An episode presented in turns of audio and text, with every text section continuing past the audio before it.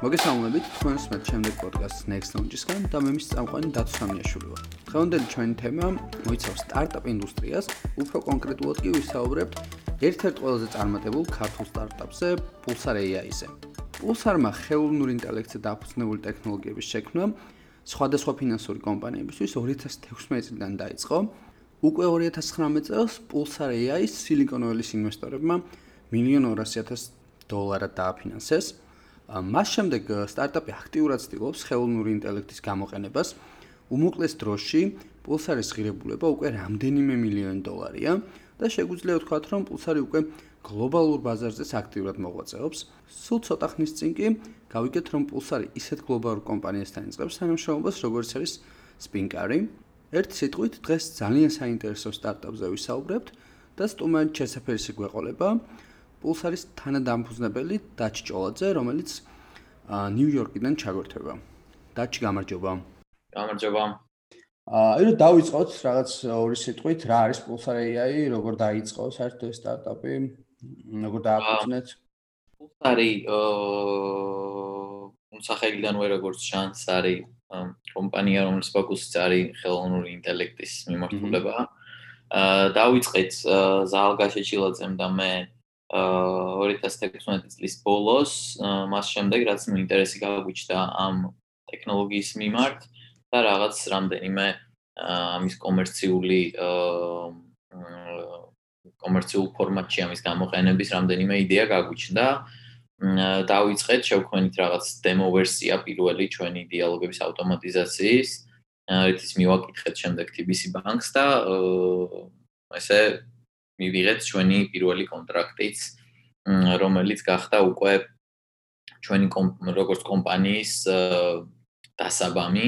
აქედან მოყოლებული ჩვენ ყოველთვის ყველანაირ შემოსავალს რაც ვიღებდით, ვაბრუნებდით უკან კომპანიაში, ვზრდიდით გუნდს, სწავლობდით ახალ ახალ ტექნოლოგიებს, ვაღრმავებდით უფრო ჩვენ ცოდნას არსებულში და შესაბამისად აა ცდილობდით რომ უფრო და უფრო მეტი ცოდნა დაგვიგროვებინა კომპანიაში იმის ხარჯზე რომ სხვა კომპანიებისთვის გვეკეთებინა ეს პროექტები. ნუ ეს იყო რეალურად გზა იმისა რომ ჩვენ რაღაც კომპანიისთვის საჭირო სახსრები მოგვეპოვებინა. თავიდანვე გქონდა სურვილი რა თქმა უნდა რომ რაღაც გლობალური კომპანია დაგვეწყო და გლობალური აა პრობლემა გადაგვეჭრა. თუმცა ნუ საქართველოსთან ამის გაკეთება რთული იყო. იმდენად რამდენადაც რაღაც კაპიტალზე წვდომა ესე რომ თქვა შენ გუნდი შეკრა და 10 კაციანი გუნდი ამუშაო 2 წელი და ამისთვის ინვესტიცია მოიზიდო მ ნაკლებად ხელმისაწვდომია. ან სწორედ ამიტომ გადავწყვიტეთ რომ ჩვენ სერვისის გაწევის ხარჯზე მიგვეღო ეს შემოსავალი კომპანიებისგან და ასე დაგვიფინანსებინა ჩვენი ცოდნა და ზრდა იმისთვის რომ რაღაც გლობალურ ამბიციაზეც მე გვეფიქრა. შესაბამისად ბოლო 2 წელია უკვე თითქმის 2 წელი არის რაც აა დავიწყეთ ამერიკაში გაფართოება. ეს არის სრულიად დამოუკიდებელი დამოუკიდებელი პროდუქტი იმ ყოველფრისგან რაც მანამდე შეგვიქმნია თუმცა ის წოდნა რომელიც მივიღეთ ჩვენ საქართველოს პულსარის კეთებით არის ის რამაც შეგვაძლებინა რომ ამერიკაში დაგვეწყო იმ პრობლემის ტექნოლოგიური გადაჭრა, რომელიც გადავჭერით საკმაოდ წარმატებით. დღეს ბაზარზე გვაქვს ყველაზე კარგი პროდუქტი, თამამად შემილია ვთქვა, ანუ არ ყავს არც ერთი კონკურენტი, რომელიც იგივე ხარისხში თავაზობს თავის კლიენტებს იმ პრობლემის გადაჭრას, რომელშიც ჩვენ და ნუ ამ ამის ხარჯზე მიიფხრო ჩვენმა კომპანიამ ყურადღება რამდენიმე დიდი მოთამაშისგან და ერთ-ერთი ესეთი არის პინკარი, რომელმაც გაწყვიტა, რომ შეესყიდა ჩვენი კომპანია მთლიან. აჰა. კი ბატონო, უბრალოდ აი მე მაინც კითხვა მიჩნდება ესეთი, რომ ანუ საქართველოს შეიძლება გადაწყვიტეთ, რომ რაღაცა ხელოვნური ინტელექტის თემა გაგენვითარებინათ, ხო? ანუ აი ამ ბექგრაუნდი თუ გქონდათ, ან აი რატომ გადაწყვიტეთ, რომ მოდი ახლა ჩვენ ავდგებით და აი ამ კონკრეტულ რაღაცას მოვკიდოთ ხელი და ეს გამოვითაროთ რა, აი რაღაც ამის უკან რა იყო, აი მაინტერესებს.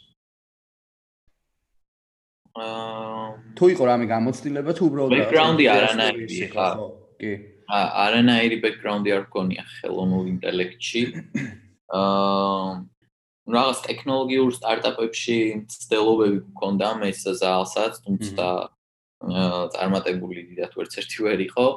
აქედან გამომდინარე, ამ ბექგრაუნდსაც რაღაც ну, რა თქმა უნდა, გამოცდილება და თქვა წინა აა ვერ წარმატებული ნაბიჯების აა ქონა რაღაცას განაპირობებდა ალბათ, რომ უფრო უკეთესი ინტუიცია გქონდა უკვე რა როგორ უნდა გვეკეთებინა, მაგრამ ის რომ ჩვენ რაღაცა აქტივი გქონოდა რის გამოც ეს ნაბიჯი გადავდგით, აა არა, და პრინციპში ვიტყოდი, რომ არაფერი აქტივი რო არ გქონდა, მაგიტომაც გადავდგით ცოტა ისეთი ნაბიჯი, რომ მოდი საქართველოსთან ჩვენ აა რაღაც ხელოვნური ინტელექტის კომპანია შევქმნათ, რომელიც ესეთი საკმაოდ ამბიციური განაცხადი იყო, აა იმიტომ რომ 2016 წელს ხო არ მეშლებას 2016 წელს და თან არა მარტო ის რომ თქვა მე ზალს არ გქონდა ამაში გამოცდილება და ბექგრაუნდი არამედ ადამიანებსაც ვერ იპოვიდი ვისაც ამაში გქონდა გამოცდილება.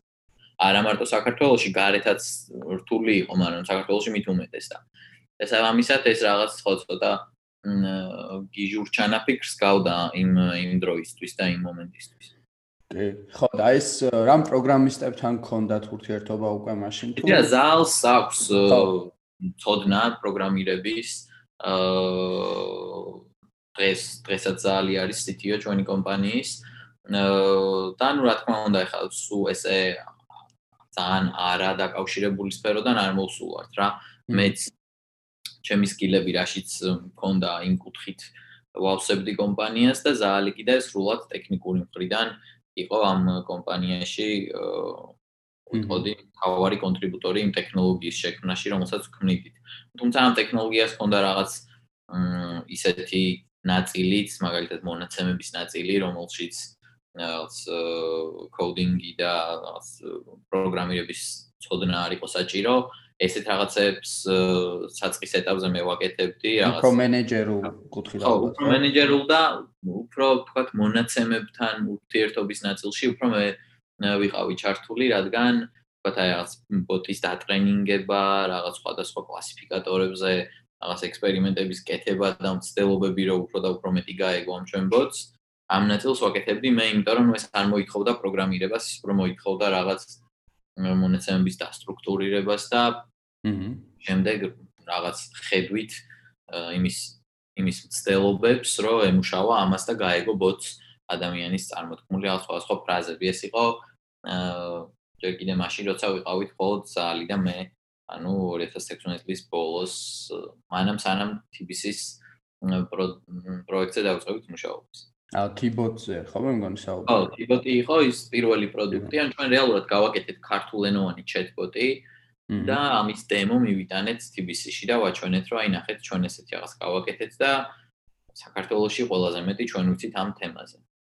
იქ აღმოჩნდა ისე, რომ მათაც ჰქონდათ ინტერესი მსგავს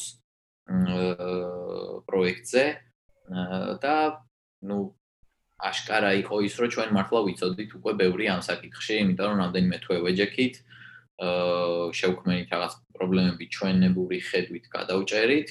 და ამის კარგი დემონსტრირება გავაკეთეთ TBC-სთან, რამაც უკვე მოგვიტანა ეს პირველი შეთანხმება TBC-სთან, რომ დაგვეწყო T-bot-ზე მუშაობა. და ნუ T-bot-ი იყო უკვე რა თქმა უნდა, ბევრად, ბევრად უფრო განვითარებული პროდუქტი, ვიდრე თქვა ჩვენი პირველი დემო იყო. იმიტომ პირველი დემო უბრალოდ იმის დემონსტრირებას ახდენდა, რომ ქართულ ენაზე შეიძლება ესაუბრო ვირტუალურ აგენტს. ხო, ანუ ეგეც არის ჩატბოტებიც არის მაგალითად რომელსაც არის ხელოვნური ინტელექტი ჩაშენებული, ან არის ჩატბოტი რომელიც სიტყვაზე არ არის ხელოვნური ინტელექტი და უფრო მარტივი პროგრამაა, ხო, რომელიც სიტყვაზე რაც ხოლმე წინასწარ გაწერილს ანალიზებს და იმის ანალიზებს არა, ხვდება და იმის ხედით წერს, ხო, და ანუ თქვენ შემთხვევაში ეს იყო უკვე ხელოვნური ინტელექტის მომენტი, რომელიც ანუ ამ რაღაც ინფორმაციას აანალიზებდა რაღაც, როგორ იყო ეგ? ხო, იცი რა არის, ანუ აა ნაწილობრივ აა ანუ არის რაღაცა პრობლემები, რომელშიც არ გჭირდება ნორმალური გზით ზახვიდე რა. ამიტომ ამ პრობლემებს ჩვენც რა თქმა უნდა მარტივად ვჭრიდით, თუმცა ხედვა ის იყო ყოველთვის, რომ ეს არ უნდა იყოს რაღაცა აა hard coded იმას რომ აი hard coded რასაც ვეძახ. რა რომ ანუ რაღაცა განსაზღვრული ერთი სცენარი, რომელშიც მუშაობს მარტო. ამიტომ ჩვენ არა ვიღეთ თქვა ის გზა, რომ აი ამბოც მარტო ეს უნდა შეეძლოს ან მაქსიმალურად ცეთი უნივერსალური ტიპი შევქმენით, როგორიც შეიძლება რომ თქვა ადამიანი იყოს, ანუ მაგალითად რაღაც ერთ დიალოგში თუ არის შესული, ის მხოლოდ კის ან არას არ ელოდება შენგან პასუხად, ანუ ნებისმიერ სხვა თემაზე რო წამოიწყო საუბარი, ამაშიც გამოყვება. აი ესეთი რაღაც მიდგომები თავიდანვე დავისახეთ იმათ, რომ ანუ მოდი რაც შეიძლება მეტი რამე ესმოდეს ამას. რაც ნუ საბოლოო ჯამში რო გითხრა ხა რომ აა კომპანიისთვის ღირებულებას ქმნის თქო, არა, იმიტომ რომ მ მაგალითად ახლა ბანკშიც რო რეკავი იმ ოპერატორს ბევრ თემაზე შეგვიძლია საუბარი, მაგრამ მაინც ორ და სამ თემაზე ესაუბრებით, ხო, ერთმანეთს იმიტომ რომ ამისთვის არა ავტომატურ რეკავ, კი. ხო და ანუ აი აქ ვინაიდან იცი რომ ბოტია, მიდიხარ და ცდილობ რომ გამოტეხო, მაგრამ არც შენ ხარ მისული ბანკში მაგისტვის და არც ბანკში მუშაობს ოპერატორი მაგისტვის, რომ შენ ვერ გამოტეხო. ის მუშაობს იმისთვის, რომ სესხზე მოგაწოდოს კარგი ინფორმაცია სრულად, ხო? ამიტომ შენც თუ ისე მოიხმარ ამ ოპერატორს, ამ ბოტს, როგორც გეხმარება ოპერატორი დიალოგში, მაშინ რეალურად არ გადიხარ იმ ჩარჩოებიდან, რომელ ჩარჩოებშიც უფრო მარტივი არის, რომ ავტომატიზაცია შექმნას. კი, კი, ნუ ჩვენ როგორც ვიცით, ახლა ზოგადად არის ხოლმე, როცა ჩეტბოტს ესაუბრებიან რაღაცა, ხო, მართლა ხდება რაღაც გამოცდა და ნუ მაგ დროს ფიზიკურად შეუძლებელია, ახლა შენ თუ ნებისმიერ იმას წაიყვანე, რა თქმა უნდა, ხო, ფიზიკურად შეუძლებელია, რომ რაღაც აა ყველაფერზე კონდეს ბოტს პასუხი, ხო? აა და საინტერესო აი მე რა იყო, ხო? აი სიტყვაზე იყო ეს და შემდეგი ნაბიჯი რა იყო, რომელმაც კიდე უფრო წინ წაწიათ. ეგეც ძალიან საინტერესოა. ჩვენ აა ეს ირა ჩვენ რო ტიბოტი გავუშვით ლაივში. აჰა. ეს იყო 2017 წლის მარტი. აა პირველივე დღეს რაღაცა ძალიან დიდი სიახლე იყო ბაზრისთვის რა. აა ანუ ჩვენ ჩვენი გზით რო წავსულიყავით რაღაც პულსარს თავისი ბოტი რო შეექმნა აა იმის ალბათ მეასედი exposure-იც არ ეკნებოდა რაც TBC-ის გავლით ქონდა ამას. ამიტომ ჩვენ თავიდანვე რაღაც გამოდის რომ რაღაც სწორად გამოსაზღვრეთ ის რომ ის რა ბაზარზე შესვლა თუ გინდა და რაღაც ახალი სიტყვის თქმა თუ გინდა მაშინ ესე დიდ მოთამაშესთან ერთად რო შეხვიდე ეს ძალიან დაგეხმარება რომ წინ გადახდე. კიდან გამომდინარე რომ ეს ძალიან წარმატებული გამოდგა მალევე გაჩნდა ეგრევე გაჩნდა TBC-ში რაღაც შემდეგი ნაბიჯების გეგმა ამ ბოტისთვის და პარალელურად ჩვენც მივხვდით, რომ ეს ბოტი მარტო TBC შეიძლება არ აინტერესებდეს და სხვაებიც შეიძლება რომ იყვნენ დაინტერესებული ამ. ამიტომ ჩვენ მივხვდით, რომ აა ქართულ ენაში უფრო და უფრო მეტი სირთულის ამოცანების გადაჭრა თუ გვინდოდა, ქართულ ენაში რაღაც იმ უნივერსალურ ინსტრუმენტებს ვერ გამოვიყენებდით, რომელიც რაღაც მარტივი ბოტის შექმნაში გეხმარებოდა. და მივხვდით, რომ ჩვენ გვჭირდებოდა რომ რაღაც ჩვენით შეგვექმნა ის ტექნოლოგიები, რომელიც აგვეხმარებოდა ამ ენის ანალიზის და ენის გამანქანების პროცესში, ხო და დამუშავებაში. ამიტომ დავიმატეთ გუნდში ლინგვისტები, დავიმატეთ გუნდში პრო რისერჩერები და ნუ აი როგორ თქვა, რაღაც ხედვა გქონდა, რომ რაღაც ეს პრობლემა უნდა გადაუჭრათ, მაგრამ რო გითხრა რომ ეხა ზუსტად ვიცოდით სად მივდიოდით, არა რა, ანუ უბრალოდ რაც შეიძლება მეც სწავლობდით, როგორ უნდა გადავჭრათ პრობლემები რა და ამან განაპირობა ის, რომ მ ჩვენ გზად მე ჩამოგვიყალიბდა ეგ მიდგომა, რომ ანუ რაღაც პრობლემები ჩვენით უნდა გადავჭრათ, ანუ არ არ ვეძებდით, რომ ეს ვიღაცას გაუკეთებია თუ არა უკვე და ამის ხარჯზე არ ვამბობდით, თქვა რაღაც პროექტს გავაკეთებდით თუ არა, ანუ თუ რაღაცა ძალიან ფანტასტიკის სფეროდან არ იყო და რეალობასთან ახლოს იყო, იქოთ იმის რომ სკაუსი არაფერი არ ქონდა მანამდე გაკეთებული, ვამბობდით კის.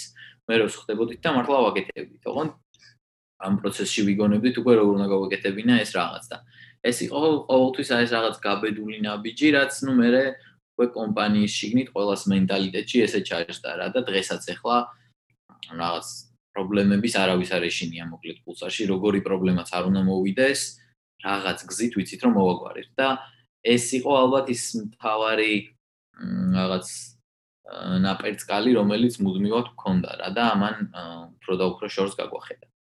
ხო, და ნუ მე რაღაც 2019 წლიდან მეგონი უფრო გაიზარდა თქვენი გუნდიც ხო, ნელ-ნელა და მე იყო რაღაც Silicon Valley-ზე იყო კიდე ეს დაფინანსება, მეგონი. კი, ჩვენი ხო, ნუ ჩვენ მალევე პრინციპში საქართველოში გავხდით ერთ-ერთი ყველაზე ისეთი წარმატებული ტექ სტარტაპი. აა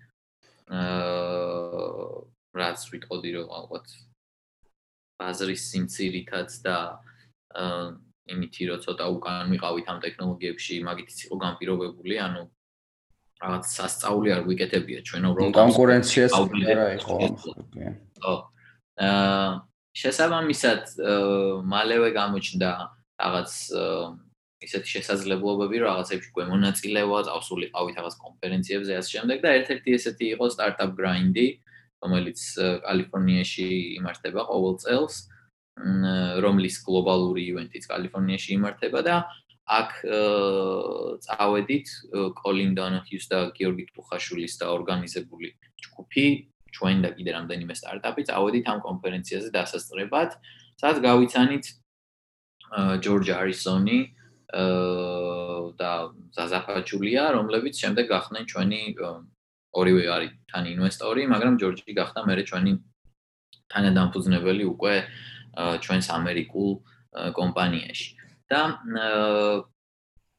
ამ პერიოდში ჩვენი ის გამოცდილება და ცოდნა რაც ჰქონდა დიალოგების ავტომატიზაციაში მოვარგეთ იმ პრობლემას რომელიც ჯორჯის კომპანიას ჰქონდა ჯორჯი არის shift.com-ის დამფუძნებელი ერთ-ერთი ყველაზე მსხვილი ონლაინ რიტეილერის მეორადი ავტომობილების ამერიკაში და მათ ჰქონდათ ის პრობლემა, რაღაც დიდი რაოდენობა ლიდები შესდიოდათ, რომელსაც ვერ პასუხობდნენ დროზე და ამიტომ, რა თქმა უნდა, ეს კასტომ მოხმარებლებიც არ იყვნენ გვაყოფილი ამით. ანუ ჩვენ აუდექიც და ჩვენი ეს ცოდნა და გამოცდილება რაც ჰქონდა კლიენტი ალგების ავტომატიზაციაში, გამოვიყენეთ ამ პრობლემის გადასაჭრელად და როცა ვნახეთ, რომ რაღაც შედეგს მართლა კარგ სტეპდა, რაღაც სატესტო რეჟიმში, მივხვდით, რომ თქვათ ეს პროდუქტი შეიძლება არა მარტო შიფტს, არამედ თელ აა მთელი ამერიკის დილერშიპებს დაინტერესებს, იმიტომ რომ ყოველს იგივე პრობლემა უდგას დღეს.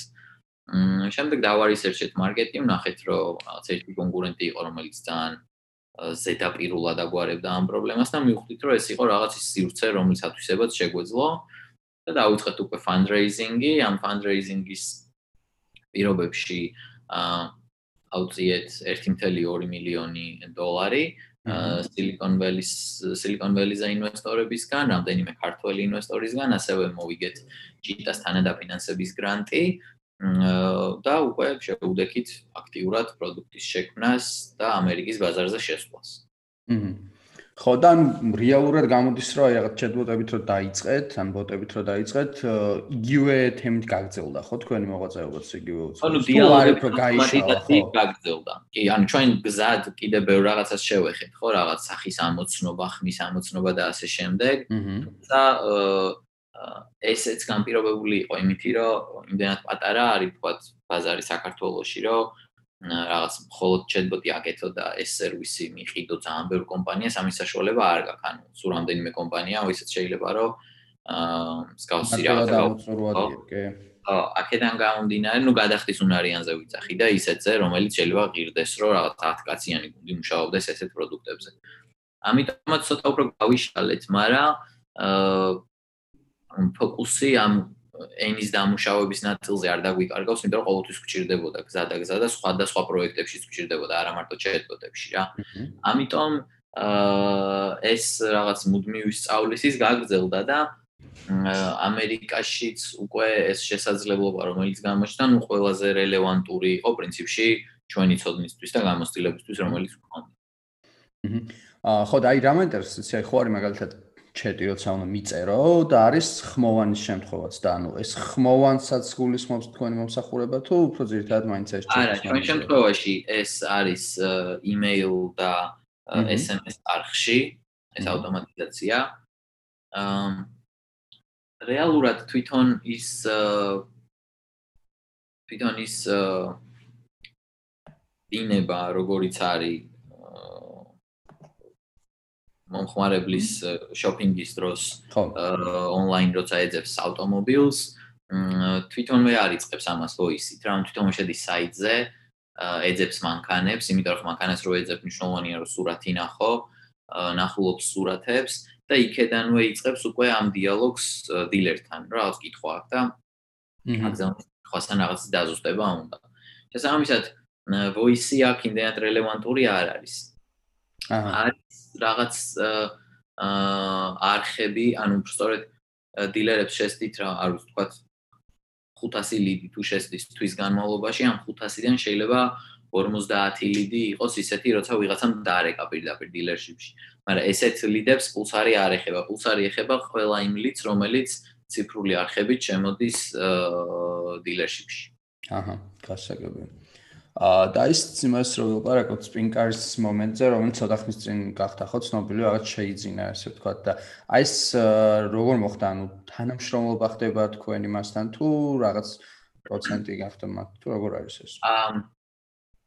არა, მთლიანად შეიზღიდა კომპანია სპინკარმა, ანუ ჩვენი კომპანია მთლიანად, ჩვენი კომპანიის ფლობელი გახდა მთლიანად სპინკარი, რის სანაცვლოდაც ჩვენ აა გავხდით აა სპინკარის რაღაც სტილის მფლობელები, ანუ გავცვალეთ რაღაც რაოდენობა ჩვენც, ანუ რაღაც ჩერწყმა უფრო მოხდა როგორც ვთქვი. ანუ მიქსი არის მთლიანი გარიგების, მთლიანი გარიგება არის მიქსი кэშის და სტოკის.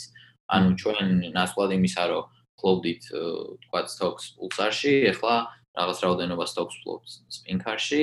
და ნუ გარდა ამისა კიდე რაღაც кэშს ვიღებთ იმ გარიგებიდან, რომლის ანსვლას ჩვენ გადავეცით მათ ფლობელობა პულსარში. თუმცა ეს დაიწყო თანამშრომლობით, ანუ სპინკარი გახდა ჩვენი რისელერი ამერიკაში. და რეალურად ეს იყო ჩვენთვის იმის შანსი, რომ მათ რაღაც ახლოდან ენახათ ჩვენი პროდუქტი, თავისივე მომხმარებლებისგან მიიღოთ ამაზე ფიდბექი და შემდეგ პრინციპში ჩვენ ვიცოდით, გათვლაც გქონდა ესეთი, რომ ესეთი თანამშრომლობის ლოგიკური გაგრძელება, თუ კი წარმატებული ესეთი თანამშრომლობა, მაშინ იქნება რომ შეიზღიდოს კომპანია უკვე აა ესეთმა მოთამაშემ, რომელიც არის დიდი საკმაოდ ბაზარზე უკვე. და აა ხო, შესაბამისად გარიგება არის კომპანიის მთლიანად გაყიდვა სნიკერზე. აჰა, კი ბატონო. და აი რა მაინტერესებს აი მაგალითად იყო რაღაც ქართულ შემთხვევაში ვილაპარაკეთ ქართულ ბაზარზე ვისაუბრეთ, მე უცხოურზეც ხო? თუ იყო რაღაცა ის სპეციფიური განსხვავებები ან რანაირი განსხვავებები არის ამ ხრივ რა, აი რა გამოცდილება რო გაგვიზია რომ ბევრს ბევრი გვისმენს ხა ისეთი რომელსაც აა რომელიც ეხა ფიქრობს რომ სტარტაპი შექმნას ან დამწყები სტარტაპერია და დაინტერესებდა ალბათ ეს გამოცდილება. აა თუ იყო რაღაც ისეთ რაღაცები თავიდან სიტყვაზე რაღაც გაგაკვირვათ ამ პირიქით აა იცი რა ანუ აი ხშირად ხშირად ვამბობ ამ ბოლო დროს რა რომ ერთ-ერთი ალბათ ყველაზე მთავარი განსხვავება რაზეც წვდომა საქართველოსთან არ გაქვს ანუ დღეს ახლა პულსარი არის კლიანტ ქართული კომპანია ჩათვალე ნუ ეხლა გახდა სპინკარის მაგრამ ყველაფერი რაც პულსარმა შექმნა შექმნილია საქართველოში აჰა. ქართული გუნდის მიერ, დაახლოებით 30-მდე ადამიანის მიერ. და ამ ამ პროცესში რეალურად ამერიკის ბაზრისთვის პროდუქტს ვქმნით საქართველოსდან და ეხლა რთულია რომ მე ვთქვა რომ ანუ უბრალოდ არ იქნება დამაჯერებელი მე ვთქვა რომ საქართველოსდან ესეთ კომპანიის შექმნა რთულია ხო? იმიტომ რომ რეალურად кейსი ესეთი დადგა ჩვენ შემთხვევაში მაგრამ რა არის რთული და რაც აა რაღაც მხრივ ხელმისაწვდომი არ არის, არის პრობლემის დანახვა საქართველოს. აჰა. აი მას შემდეგ რაც პრობლემას დაინახავ საქართველოსდან მერე უკვე გინდა საქართველოსდან აკეთე ეს კომპანია და გინდა ამერიკიდან. ამას განსხვავება იმდენი არ აქვს, მით უმეტეს როცა რაღაცა ტექნოლოგიურ პროდუქტს ქმნი. სისწრაფეც უფრო კაი გექნება საქართველოსში. აა ხარჯიც უფრო დაბალი გექნება ამის შესაქმნელად, ისო ამისად დროც მეტი გექნება რა სწორ პროდუქტამდე მიხვიდე რამენაირად. აა და მცდელობებიც უფრო მეტი გექნება, იმიტომ რომ ნაკლები გაქვს ხარჯი. აა მაგრამ აი პრობლემის დანახვა არის ყველაზე უფრო ისეთი რაღაც, რასაც საქართველოსდან ვერ შეძლებ და რატო? იმიტომ რომ აა საქართველოში აა ხარ და შენ გარშემო ადამიანები არიან იმ ყოველდღიურობაში, რომელი ყოველდღიურობა საქართველოსში არსებობს. სამისად შენი იდეებიც, რომელიც მოგდის, რომ რაღაც პრობლემები მოაგვარო, მოგდის ამ პრობლემების შესახებ და ეს პრობლემები ხშირად არ არის გლობალური პრობლემები. ამიტომ აი ამერიკაში ჩამოსვლა და არაპირდაპირ ინვესტორთან მისვლა, ან არაპირდაპირ რაღაც სტარტაპის entrepreneurship-ის მენტორთან მისვლა და ასე შემდეგ. არამედ უფრო მნიშვნელოვანი არის აქ ჩამოხვიდე და სხვადასხვა სფეროში მომუშავე ადამიანები გაიცნო. მაგალითად, არ ვიცი, თუნდაც აუტო დილერშიპის general manager-ი გაიცნო, რომელიც ნიშნავს, რომ აი დილერშიპები როგორ მუშაობენ, ამის შესახებ ძალიან ბევრი რამ შეიძლება რომ გითხრას მან. და ნუ გაიცნო ესეც არ მიხვიდე და ინტერვიუ არ ჩამოართვა როგორ მუშაობს, არამედ რაღაც relationship-ი გქონდეს რა, ანუ ამ ადამიანს დააინტერესო იმით, რომ შენ რაღაც შეგიძლია, ისიც არ ვიცი, სხვა თემებზეც ისაუბროთ, ანუ გადაკვეთის წერტილი იპოვო ბევრ ისეთ ადამიანთან, რომელიც სხვადასხვა ინდუსტრიაში მოღვაწეობს, იმიტომ რომ მას შემდეგ რაც ამ ადამიანებთან ხშირად გადაიკვეთები და დაიწყებთ უკვე ერთმანეთის ყოველდღიურობაზე საუბარს, აღმოაჩენ რომ ამ ადამიანებს ყოველდღიურობაში აქვთ რაღაც ისეთი პრობლემები, რომელიც შეიძლება ტექნოლოგიურად გადაჭრა. და საქართველოსდან კიდე ანუ აი რაც არ ჩანს აქ არის ძალიან ბევრი ინდუსტრია, რომელიც ძალიან დიდი არის.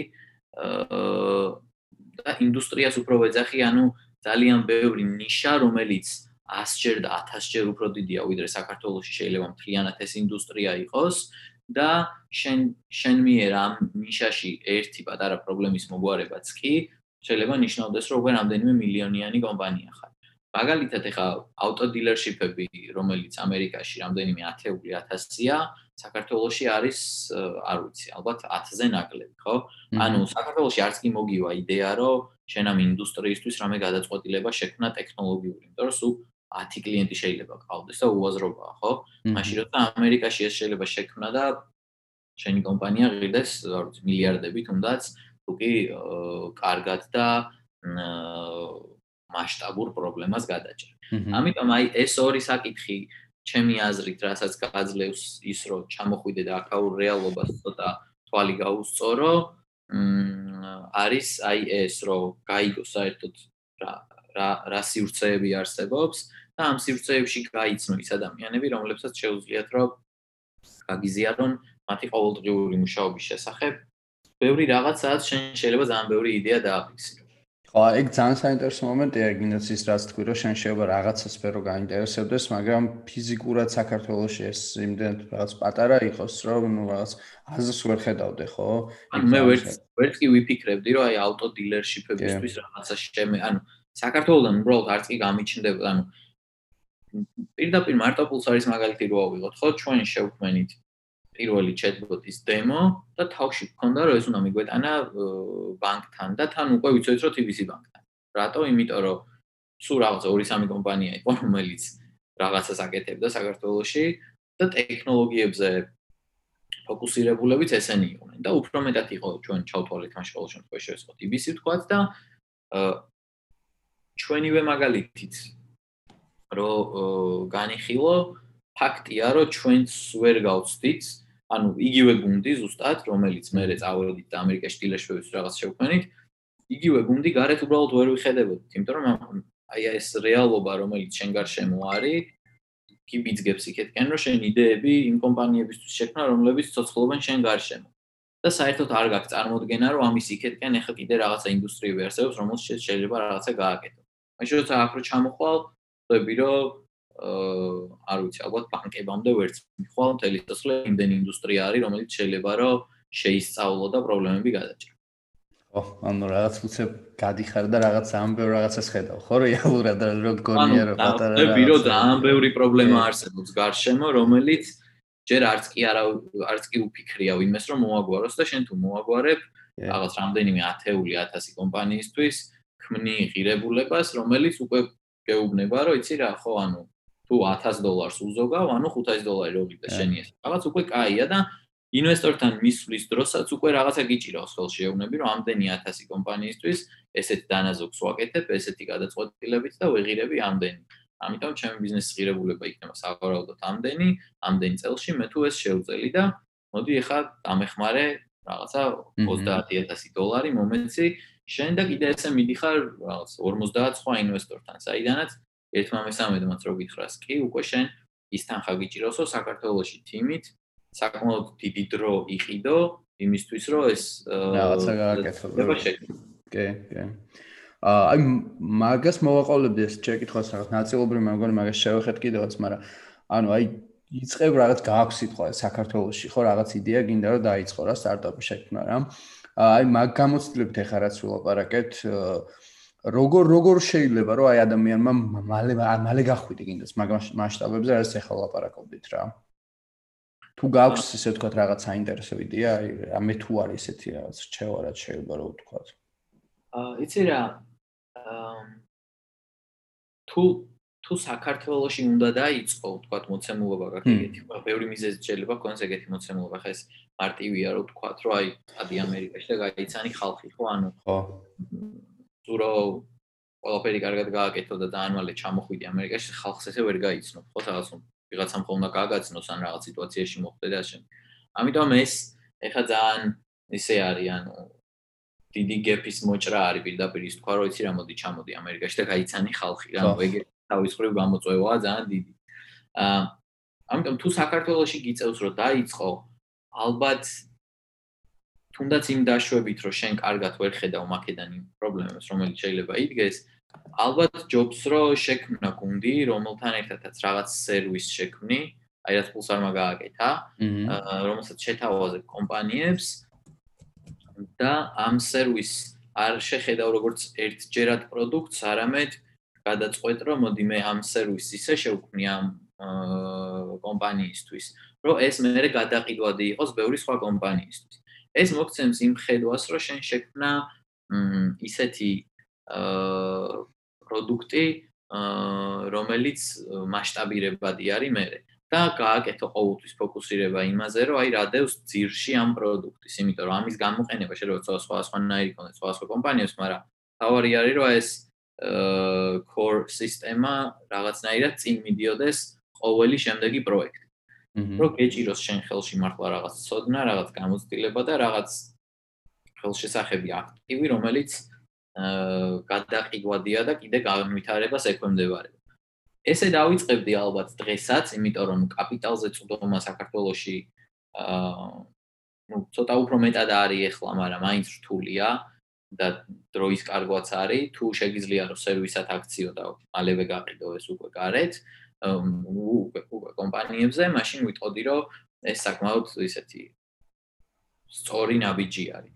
და მას შემდეგ რაც შექმნი ამას და უკვე რაღაც ტრეკშენი აქვს შენ კომპანიას, რომ სადღაც რაღაც პრობლემები გადაჭერი, აი მე როგორ შეგიძლია დაიწყო ფიქრი იმაზე, რომ ის რომ მე მყავს გუნდი, რომელთან ერთადაც რაღაც პრობლემის გადაჭრა შევწელი, ანუ აქ უკვე რაღაც ძალა ვართ, რომელსაც შეგვიძლია რომ აა პრობლემას შევეჭიდოთ და შემდეგ უკვე შეგიძლია გამოხვიდე და იმასთან ახლოს, რასთანაც საქართველოსში იმუშავე, რელევანტური პრობლემები მოძებნო სხვადასხვა ინდუსტრიებში, რომელშიც აჰა ჯერ ეს ტექნოლოგია ესე არ აუთვისებია. და აა ალბათ აი ამ ამ გზას გავიულიდი აა რეალისტი რო ვიყო ეხა და არ დავიწყო იქიდან რომ ჩამოვიდოდი ამერიკაში თორე. ნუ საუკეთესო შემთხვევაში პირდაპირ. აქ ჩამოვიდოდი კიდე უფრო მეტ ადამიანს გავიცნობდი და აა პირდაპირ იმ ნაბიჯებს გადავდგავდი რომელიც დღევანდელი განმსახედიდან შემიძლია შევაფასო რომ იყოს სწორი. მაგრამ როცა რეალობის წინაშე დგახარ აა არ არის ესე მარტივი ზუსტად გამოარჩიო სხვადასხვა ალტერნატივებს შორის რომელი არის სწორი ხო ამიტომ ალბათ საქართველოსი კლავ ესე დავიწყებდი და მე მიმაჩნია რომ ალბათ გუნდზე გუნდზე მნიშვნელოვანი არაფერი არ არის. ანუ იდეებს ბევრად უფრო მარტივად მიაგნებ და იპოვი ვიდრე გუნდს. ანუ გუნდი ძალიან ძნელი არის ხო? თან გუნდი რომელიც მართლა რაღაც ერთ ტალღაზე იქნება და ერთი მუხტი ექნება როგორც საბედნიეროდ პულსარში გვაქვს. არ ვიცი ალბათ ყველაზე დიდი მონაპოვარია იმიტომ რომ აა ნებისმიერ სხვა სფეროში რომელშიც არ უნდა შევიდეთ, მე ბოლომდე მჯერა. ეხა იმ გუნდის რომ გუნდთან ერთადაც აქამდე მოვედით, რომ აა შეიძლება არ მჯეროდეს მაინც და მაინც იმის, რომ უეჭველი ჩვენ რაღაცა მაგარს დავდებთ, მაგრამ მჯერა იმის, რომ ჩვენ მაქსიმუმს გავიღებთ ამისთვის და ესეთი გუნდის შეკრა აა საკმაოდ რთულია და აი ეს პროცესი და ეს პერიოდი, როცა შეიძლება სერვისად შეთავაზო ვიღაცას რაღაც ტექნოლოგია, გეხმარება ზუსტად იმაში, რომ შენ შენი გუნდი შექმნა და ამ გუნდში რაღაც ღირებულებები შექმნა ისეთი, რომელიც შემდეგ უკვე რაღაც ეს ამბიციურ თემაში გამოყვება საკმაოდ კარგად. აჰა. ხო, ეს გუნდის თემაც ძალიან საინტერესოა, ანუ აი თქვენ შემთხვევაში როგორ მოხდა ამ გუნდის შეკრა? ესე კარგად და რაღაც რა პროცესი იყო? ანუ იყო სიტყვაზე შემთხვევები, რომ რაღაც გამოცდილება ჰქონდათ ძალიან დიდი, თუ პირიქით იყო და რაღაც შიგნით მოიპოვეთ რეალურად ეს გამოცდილება გუნდის წევრებმა და რაღაც. ანუ არასდროს არასდროს არ გქონია წვდომა ისეთ კადრებზე, როგორცაც შეიძლება ის ცოდნა მოეტანა გარედან, რომელიც ჩვენ გვჭირდებოდა, ანუ. აჰა. რაღაც უბრალოდ დამოკიდებულება დამოკიდებულება იყო ხოლმე განსაზღვრელი და ის мотивация, რომელიც ჩვენს გქონდა და რაღაც ანუ იგივეს დაჯერება, რისიც ჩვენ გვჯეროდა რა, ანუ იმიტომ რომ რაღაც ხშირად ცოტა ისე ჟღერდა ჩვენი მისნები და ამბიციები, რომ ცოტა რეალობას მოწყვეტილები ვიყავით რა. და ბევრისგან ესეც ჩანდა. აა მაგრამ როცა ესეთი ადამიანები გვერდებოდნენ, უკვე აა მე ის ის კონკრეტული რაღაცა რომელიც გჭირდება რომ ისწავლო რომ ის რაღაც ერთი ნაბიჯით ის პრობლემა კიდე მოაგვარო, იმას ყოველთვის ისწავლო. თავარი არის რომ ეს ღია იყო ესეთი სიახლეებისკენ და არ გეშინოდეს იმისი რომ რაც არიცი, იმის კეთება შეიძლება დაგჭირდეს სადღაც. ანუ ეს ალბათ კომფორტულად გრძნობდე თავს იმაში, რომ რაღაც ისეთი პრობლემა მოაგვარო, რომელიც აქამდე არ მოგიგვარებია, არის ერთ-ერთი მთავარი ღირებულება, რომელიც ჩვენთვის აა აა ყველაზე მთავარია პულსარის გუნდში პირველი დღიდან დღემდე. ანუ რეალურად ეგ არის რომ შეიძლება ითქვას რომ რაღაც გამოცდილებით იღებ რეალურად რაღაც კრავ ხო ამ გუნდს რა გინდაც ერთობლივი რაღაც რაც ხო ანუ ერთად სწავლობთ რა ანუ თავარი არის რომ ხუთივეს გჯეროდეს თუ ხუთნი ვართ ხუთივეს გჯეროდეს რა საკეთებ ამ პრობლემას რამენაირად გადავჭრით და მოდი ახლა დავხდეთ და გადავჭრათ და ყოველას გქონდეს ერთი და იგივე мотиваცია რომ ანუ აი რაღაც შრომის მიმართ ნაკლებად უფრო აი რაღაც პასუხისგებლობის შეგრძნება არა ერთმანეთის მიმართ, ერთმანეთის მიმართაც, მაგრამ უფრო იმის მიმართ, რომ შენი მიზანი რაც დაისახე, იმისთვის უნდა დაიხარჯო. აი რაღაც ეს ამ ორი რაღაცის კომბინაცია ისეთ ისეთ ენერგიას ქმნის, რომელიც ჩემი აზრით ყველანაირ გარედან მოტანილ გამოცდილებაზე მეტია, იმიტომ რომ გარედან მოტანილი გამოცდილებით მოაგვარებ რაღაცა კონკრეტულ რაღაცებს, თუმცა წინ მე რამდენად წახვალეს ადამიანებთან ერთად არის, იმიტომ რომ არის მათი დამოკიდებულება და შენ ისინი გამოცდილების გამო და რაღაც კონკრეტული რეცეპტის ცოდნის გამო აიყვანე, მაგრამ თუ შეიძლება რეცეპტი თვითონ შექმნა. გირჩევნია, გირჩევნია უფრო open minded ხალხი ყავდეს შენნაირივე შემართები. აჰა, კი. და ის მაინტერესებს ანუ სიტყვაზე ანუ აი სპეციფიკიდან გამომდინარე რას თქვენ აკეთებთ ხო? ანუ რა რა როგორი როგორია თქვენი გუნდი ანუ აი აა როგორ არის დაყოფილი თუ შეგვიძლია რომ ვთქვა ეგ აი რაღაც გუნდების დონეზე ან რაღაცა რა. აა სადღაც 14-15 თვის წინ ალბათ წელიწად ნახევრის წინ ჯერ კიდე დაყოფილი არისო და იქ ყველა ყველაფერს ვაკეთებდით აბსოლუტურად. აა მაგრამ მე მე მივხვდით რომ ცვლილებების დრო იყო მაგნატილში, ნუ აღარ გამოდიოდა უბრალოდ ისე გაგრძელება და აა იმიტომ რომ საქმე საქმის თავისებურება შეიცვალა. და მას შემდეგ უკვე დავყავით ამ შემთხვევაშიც დიდად გარეთ არ გაგვიხედავს რომ ის ხებთან როგორ არის და ასე შემდეგ. რაღაც ჩვენ თვითონ რომ შევხედეთ და მივხვდით რომ აი ეს საქმე ძალკე გუნდის საკეთებელია და ეს საქმე ძალკე გუნდის საკეთებელი ამის მიხედვით დავყავით და დღესდღეობით გუნდი ძირთად ესეა განაწილებული ანუ მენეჯმენტში ყავს თავისი ტექნოლოგიების მიმართულებას თავარი მენეჯერი, რომელიც არის ზალი, CTO. ოპერაციების ნაწილში არის სოფო და ზრდა და კომპანიის ზოგადად რაღაც სტრატეგიულად განვითარების ნაწილში ვარ მე და სამივე შესაბამისად ვამენეჯებთ თლიან აა თლიან აი ამ სამ მიმართულებას, მაგრამ შემდეგ უკვე გვაქვს ვიტყოდი იუნიტები, რომელი იუნიტებიც თავის კონკრეტულ საქმეს აკეთებენ. ერთი ესეთი არის, რა თქმა უნდა, development-ის თიმი, აა უშუალოდ ინჟინერები, რომლებიც აა ქმნიან ამ პროდუქტის აა პროგრამირების ნაწილს. აა შემდეგ ყავს research-ის თიმი, აა ანუ სამუშაოდან გამომდინარე უფრო research research scouts, თუმცა ოპერაციების ნაწილი არის ეს თემებიც. ერთი არის understanding-ის თემი, ანუ ყველაფერი რაც შემოდის ტექსტურად, ჩვენს ვირტუალურ აგენტს რომ ეს მოდეს რაზეა საუბარი, აი ამაზე ვინც არის ფოკუსირებული, რომ შემომავალ ტექსტში უნდა ვაფიქსირებდეთ, რას გვეუბნება მომხმარებელი. ატრენინგოს ესე ვთქვა, ხო, რაღაც ნომერზე ეს ვირტუალური აგენტი ანუ. როგორ რა თქვი? აი რომ დაატრენინგოს რა რაღაც ნომერზე ანუ. ი ბატონო, რომ დაატრენინგოს, ოღონდ აი მანდაც იმდენი რამე გამოვიგონეთ, რომ აი რაღაც კლასიფიკატორის დატრენინგება ცენტრალური რამე აღარ არის მან რა, ანუ ძალიან ბევრი რაღაცის სინთეზირება მოხდა და იმდენი იმდენი ინოვაციური რაღაც ჩავდეთ მაგაში, რომ აა როგორც ადრე ვაკეთებდით რაღაც მოდელს ვატრენინგებდით და უნდა გამოეცნო რა ზელოპარაკებიან, მაგას დიდი ხანია გავწვდით და საკმაოდ ესეთი კომპლექსური დიდი მოდული არის ჩვენ პროდუქტში ეს და ჩვენ ტექნოლოგიაში.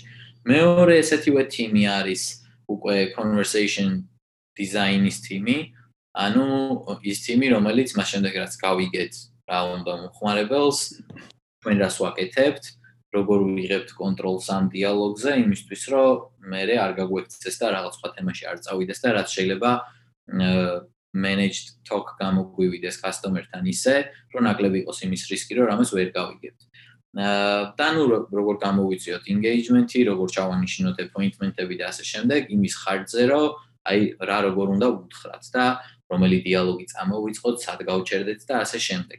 ეს არის მეორე თიმი, რომელიც მუშაობს უკვე პროდუქტის ამ ნაწილზე. აა შემდეგ უკვე მოდის quality assurance თიმი, რომელიც რაც ხდება ჩვენ პროდუქტსა და მომხმარებლებს შორის მაგას აკვირდება და აა სადაც საჭიროა რაღაც შესწორებას აა ანუ data რო არასწორად გამოიცნო ჩვენმა ავტომატიზაციამ რა იყო იმის სწორი ვარიანტი ამ data-ს ესეთ დამუშავებას აკეთებს. აა ეს ეს თიმები არის აა ძირითად შემთხვევაში რომელიც მუშაობს პროდუქტზე და არის onboarding-ის თიმი. და customer support-ი onboarding-ი არის აი ყოველი ახალი კლიენტის გალაივება. ანუ დილერი რო და subscribe-დება ჩვენ სერვისზე. აა რო გავიდეს live-ში, ანუ მოხდეს ის ინტეგრაციები, კონფიგურირება ჩვენი პროდუქტის ისე რომ მოერგოს ამ დილერის იმ სპეციფიკაციებს რაც მას აქვს. ეს არის ერთი onboarding-ის თიმი, რომელიც მუშაობს ამაზე და ნუ customer support-ი, რომელიც რაღაც არა მაინც და მაინც პრობლემების მოგვარებაში, არამედ უფრო რაღაც custom request-ების ნაწილში მუშაობს. აჰა. საინტერესო. აა შეგვიძლია მე მგონი ნელ-ნელა დასრულისკენ წავიდეთ და რაღაც აი ეს ორი შეკითხვა მქნებოდა ბოლოსკენ. ერთი ალბათ არის ის, რომ აი რა გეგმები გაქვთ ახლა ახლო მომავალში? ანუ აი რას ნოველოდოთ თქვენგან ესე ვთქვა და რას ელოდებით თქვენს თქვენ თავისგან და აა ჩვენ აა როგორც თქვი, ნუ სპინკარის სპინკარის ზრდა ახლა იგივე ინტერესია ჩვენთვის, როგორც პულსარის ზრდა იყო აქამდე. აა შესაბამისად კლიანი გუნდი ვიხარჯებით იმაზე, რაც შეიძლება აა სწრაფად და აა მასშტაბურად გავიზარდოთ ბაზარზე, აა როგორც პროდუქტის დახვეწის მხრივ და პროდუქტის პროდუქტში მრავალფეროვნების შეტანის მხრივ, ასევე უშუალოდ რაოდენობის კუთხით, რამდენი მომხმარებელი გვეყოლება ბაზარზე, იმიტომ რომ ჩვენი პროდუქტი დღესდღეობით რაღაც ახალ სტანდარტს აწესებს ამერიკის ავტოინდუსტრიაში, რაც ერთ-ერთი ყველაზე დიდი ინდუსტრია ამერიკის ეკონომიკაში. და ნუ ეს კიდე ცალკე აზარს გუმატებს, რომ ესეთ ცვლილების გამომწვევი გუნდი ვართ, რომელიც თქვა საქართველოსთან ვაკეთებთ ამ ყველაფერს. და ეს ყველაფერი რაღაც ჩვენი ჩვენი თვე შექმნილია. ამიტომ რაღაც მომდენო რაღაც პერიოდი პრინციპში სხვა რაღაცისკენ არავინ არ იყურება, ყოველას ძალიან დიდი სურვილი და мотиваცია აქვს, რაც შეიძლება მალე გავიდეთ უფრო და უფრო დიდ მასშტაბზე ჩვენი პროდუქტით. აჰა. კი ბატონო, და რაღაც აი ისიც არის საინტერესო, ხო, რაღაც თავიდან დავიწყეთ, რომ 2016 წელს დაიწყო რაღაც თქვენი მოღვაწეობა სტარტაპის. აა და აი ეხლანდელი გადმოსახედიდან რა შეიცვალა? ოღონდ შეიცვალა აი ქართული რეალობა რო ავიღოთ ზოგადად რა. ანუ აი ხა რო იწებდე მაგალითად რაღაცას. ანუ აი რას ფიქრობ რა, რამე არის ესეთი განსხვავებული გინდაც სტარტაპ ინდუსტრიის ხრივ, სტარტაპ კულტურის ხრივ, ანუ რა არის ეს განსხვავებები? თუ არის რა ვიცი. ეცი რა, აა კი არის უბრალოდ ისევ და ისევ იგივე იგივე იმამდე მივდივართ რა ანუ რთული იქნებოდა მე რომ ანუ საქართველოსთან გამიჭirdებოდა ისეთი პრობლემის დანახვა რომელ პრობლემასაც აა დავუმიზნებდი გუნდთან ერთად რა. ამიტომ გონია რომ დღეს რო ვიწყებდე აა თუ არ მექნებოდა იმის ძალიან ცხადი შანსი რომ წავიდე და რაღაც ეს ესეთ პროცესებს სხვაგან დავაკვირდე, უფრო ახლო თვალით, ან უფრო იმ ადამიანებით, რომლებიც ამ პროცესების ნაწილები არიან, მაშინ სხვა შემთხვევაში ალბათ უბრალოდ იგივეს გავაკეთებდი, ისევ და ისევ თავიწებდი. რაღაც სერვისი შევქმნიდი. ამ სერვისის მიმწოდებელი გავხდებოდი და ამის ხარჯზე რაც შეიძლება მეცოდნას დავაგროვებდი რაღაც ცენტრალურ აქტივს შევქმნიდი, რომელიც იქნებოდა ჩვენი ინტელექტუალური საკუთრება და უკვე ამითი მე შევეცდებოდი პრობლემების მოგვარებას დიდ ბაზრებზე. ხო, თუმცა ხო არის აი მაგალითად რაღაც აქსელერაციები, რაღაცები, რაც სიტყვაზე ადრე არისო და რაღაც დონეზე მაინც ეძლევათ ხო რაღაც სტარტაპებს. კი, არა, ეხლა დღესდღეობით შესაძლებლობები, ხო. ჩვენ ჩვენ რო ვიწყებდით მაშინ აა ბევრმა არც იცოდა საერთო სტარტაპი რა არის. ანუ ჩვენი ხედვაც ხა ბევრად ჯანსაღი არის დღეს როგორ უნდა შექმნა კომპანია და სტარტაპი ვიდრე მაშინ იყო, ხო? ანუ რა თქმა უნდა აა განსაკუთრებით ბოლო რამდენიმე წელში აა ძალიან დიდი ცოდნა აა შეიძინა ქართულმა ახალგაზრდობამ იმ შესახებ თუ რა არის საერთოდ ეს.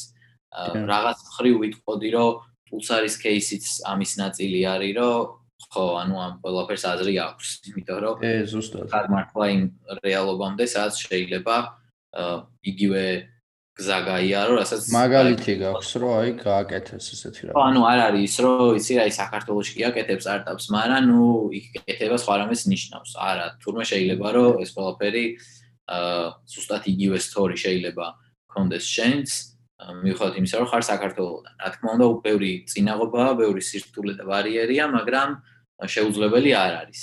ამიტომ აა ალბათ უბრალოდ უფრო მეტად მექნებოდა თავში ის, რომ გლობალური უნდა გავხდე. ანუ ჩვენ რო ვიწყებდით პულსარს მანდ, ნუ ხო რა, ოცნების დონეზე შეიძლება გქონდა ის, რომ აქამდე მოვიდოდით, ანუ არც ვიტყვი რომ ხა გვიოცნებიან მაგას დრო არ დაგვიხარჯავს, მაგრამ რეალურად ის გათვლა არ გქონია, რომ აი ჩვენ ახლა დღეს ასეც ვიწყებთ, ეს აუცილებლად იქმნივა. უბრალოდ ყოველთვის გქონდა რაღაცა შემდეგისკენ გვეჭირა თვალი ნებისმიერ ნებისმიერი რაღაც კარგი შეფასებისას, წარმატებისას და ასე შემდეგ, ყოველთვის რაღაცა ვიცოდით, რომ რაღაცა უფრო დიდისკენ მივდივართ. და ეს პრინციპში არც ახლა არ გავჩერებულვართ და ეს ხედვა ისევ და ისევ ჩვენ გუნდში გვაქვს და ჩვენ გუნდში ტრიალებს და ძალიან ორგანული არის. ამიტომ ალბათ განსხვავება რაც მექნებოდა დღეს რო ვიწყებდე, იქნებოდა ის, რომ უფრო მეტად დავაკავშირებდი დღეს რასაც ვაკეთებ იმას, აი იმ დიდ მომავალთან, რომელიც მექნებოდა მიზნა. კი ბატონო.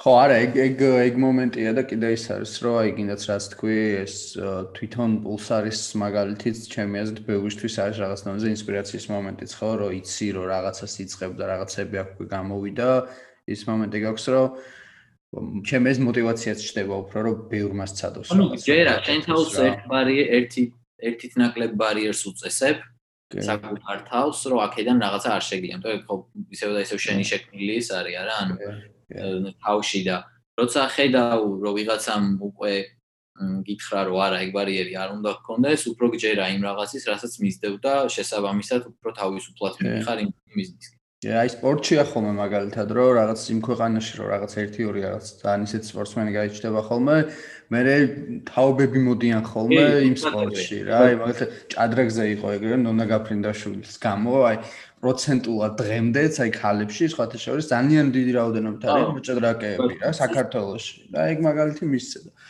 ხო და რა ვიცი აბა წარმოდებას გისურვებთ მოკლედ და რა ვიცი. ნონა გაფრინდაშვილები ყოფილიყავით სტარტაპების.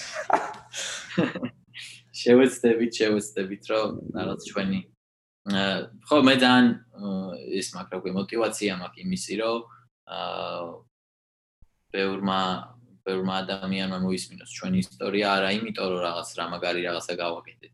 არა, არამედ იმიტომ, რომ რაღაც ისეთი მაგიური და განსაკუთრებული რომ რაღაცა არ დგას ამ ყველაფრის უკან და უბრალოდ რომ არ უნდა გაჩერდე და აა მიზნისკენია რომ ეს უფრო დევს ჩვენ სტორიში ვიდრე ის რომ რაღაც ბრილიანტს მივაგენით სადღაც რა. ამიტომ მე ვფიქრობ რომ აი ეს ამ რეალობის დანახვა და ამ ყველაფერი რო ხელშესახები არის ბევრად უფრო ამას ემსახურება ის რომ პულსარის ისტორია იცოდეს ვიღაცამ ვინც თქვა ფიქრობს რომ იცი რა აი ღირს თუ არა საქართველოსდან მე ვეცადო რაღაც გლობალური სტარტაპის შექმნას. ამიტომ ეს შენი პოდკასტიც იმედი მაქვს რომ კი ბატონო. რაღაც რაოდენობა ადამიანებისთვის აა იქნება ის რომ ზუსტად იმ ბარიერს ჩაუხსნიან თავის თავს რომ კი ყველაფერი რა თქმა უნდა შემიძლია გავაკეთო მეც ამ პოდკასტის იდეაც ახლა ამ წამს ის კონკრეტულ ნამდვილად ეგ არის და რა ვიცი. მედია ვიღაცების ინსპირაციები ვიყავით.